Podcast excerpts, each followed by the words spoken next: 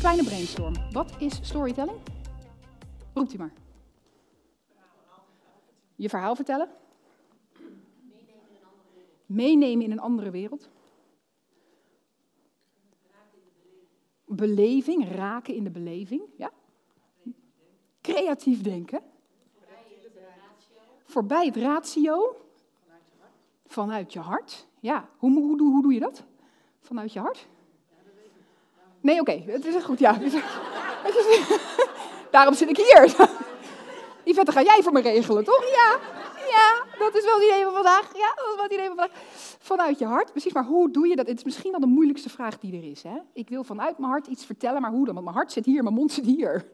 Dus ik, ja, ga maar werken. Wat is storytelling nog meer? In het limbisch brein, hè? Limbisch brein, limbisch brein, precies. Heel goed, heel goed. Als je denkt, waar heeft ze het over? Ik vind breinmaterie zo leuk, hè? Zal ik? Ja, ik zal. Oké. Ik maak een, een zij-aangezicht. Oh, deze doet het fantastisch niet. Een zij-aangezicht uh, van hersenen. Ja, de mensen die verstand hebben van het brein, die vinden hier wat van. Ik vind hier ook wat van, maar dat geeft niet. Oké, we, hebben een, we hebben een groot brein, zo, hè?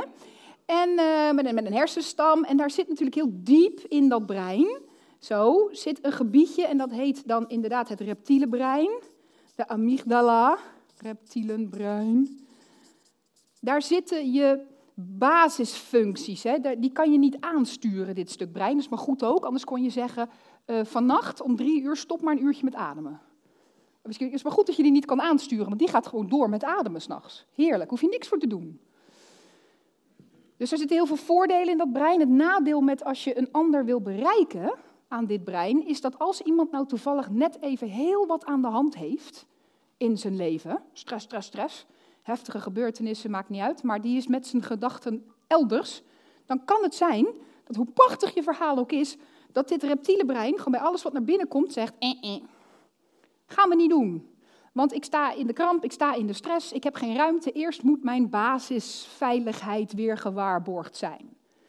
Dus neem dat mee, dat het niet altijd ligt aan hoe wij ons verhaal vertellen, maar dat mensen soms simpelweg een stuk brein hebben dat zegt, het gaat er gewoon even niet in. Pubers hebben daar heel veel last van. Al weet ik niet zeker of, maar goed. Hè? Maar het kan. Dus dat, is, dat stukje, daar hebben we mee te maken. Nou gaan we ervan uit dat als... Hi Tamara, wat heerlijk dat je er bent. Wel leuk dat je nog niet. Hi. Um, nou gaan we ervan uit dat als je met mensen in gesprek bent... dat je wel langs dat reptiele brein bent. Dat dat wel oké is. Dat daar geen grote rode vlag staat, maar dat iemand met je wil spreken. dus daar zijn we langs. Nou, dan hebben we nog met twee gebieden iets te maken.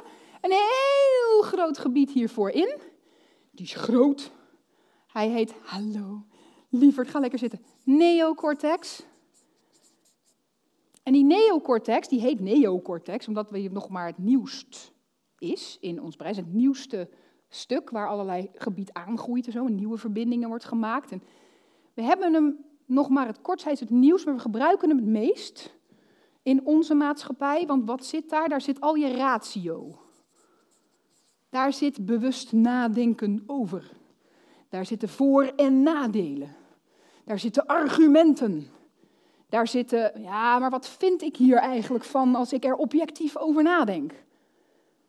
En in 9 van de 10 gevallen, als mensen gaan praten met iemand anders, gaan ze praten van neocortex naar neocortex. Vooral als je iets wilt overbrengen, informatie. Maar als ik informatie aan jullie overbreng en jullie luisteren alleen maar met je neocortex, dan is dat heel hard werken. Want dan krijg je dit, dit ken je allemaal. Je hebt ergens bij iemand in een zaal gezeten en die begint. En bij alles wat je zegt denk je, is dat wel zo? Is dat wel waar? Maar waar heb je dat eigenlijk vandaan? Waar baseer je dat dan op?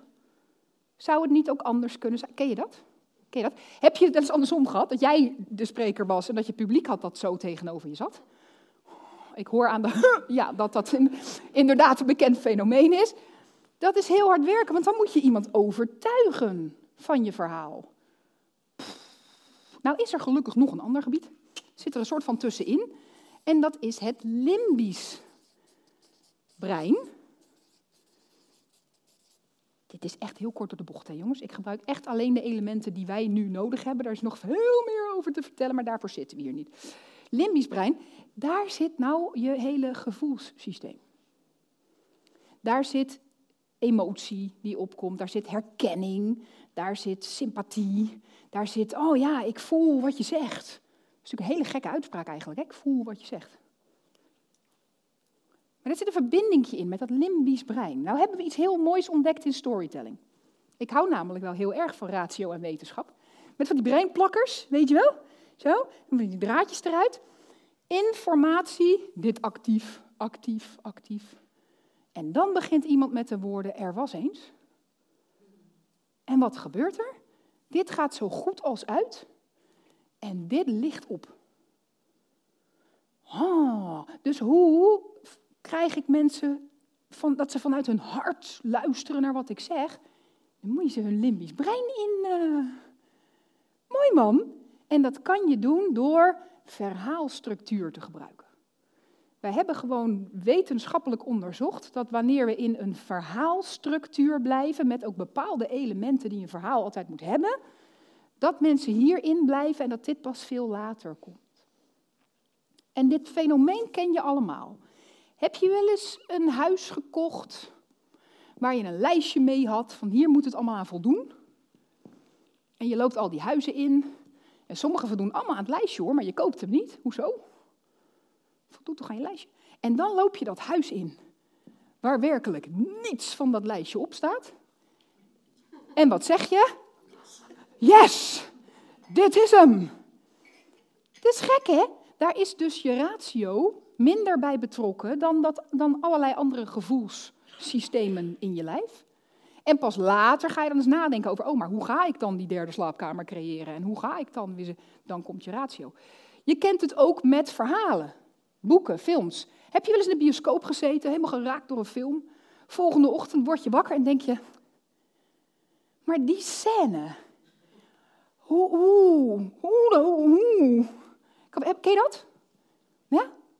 Jullie moeten iets harder ja nee zeggen, anders heb ik geen idee. Ken je dat? Ken je dat? Ja, ja, oké, fijn. Misschien ook niet. Maar de mensen die dat kennen, dat is ditzelfde principe. Want dat hele stuk dat op had moeten merken dat daar iets niet klopt, dat staat gewoon uit. Pas later komt dat er weer bij en wordt dat actief. Nou, wat willen wij graag met onze boodschap? Is dat mensen het eerst voelen dat wij dat huis zijn waarvan ze binnenlopen en gewoon zeggen: Ja, ja, ik weet gewoon dat het klopt. En dat ze daarna vragen, en, en wat bied je eigenlijk aan? Wat gaan we doen? Het overkomt mij heel vaak. ja, ik kom meedoen aan het programma, is goed. Waar gaat het programma eigenlijk over? nou, dat zal ik je vertellen. Want mensen vinden het natuurlijk wel fijn om daarna ook in de ratio even gerustgesteld te worden. Dus het is niet dat het een meer of minder waard is dan het ander. Maar het is wel verdomd handig om te weten dat je ergens anders naartoe kan. Superleuk dat je weer luisterde. Deze aflevering is opgenomen tijdens een workshop in het theater. Wil jij nou zelf een keer bij een workshop in het theater aanwezig zijn en jouw vraag stellen in de hot seat? Ga dan naar yvettevandenberg.com slash workshop. Zie je daar!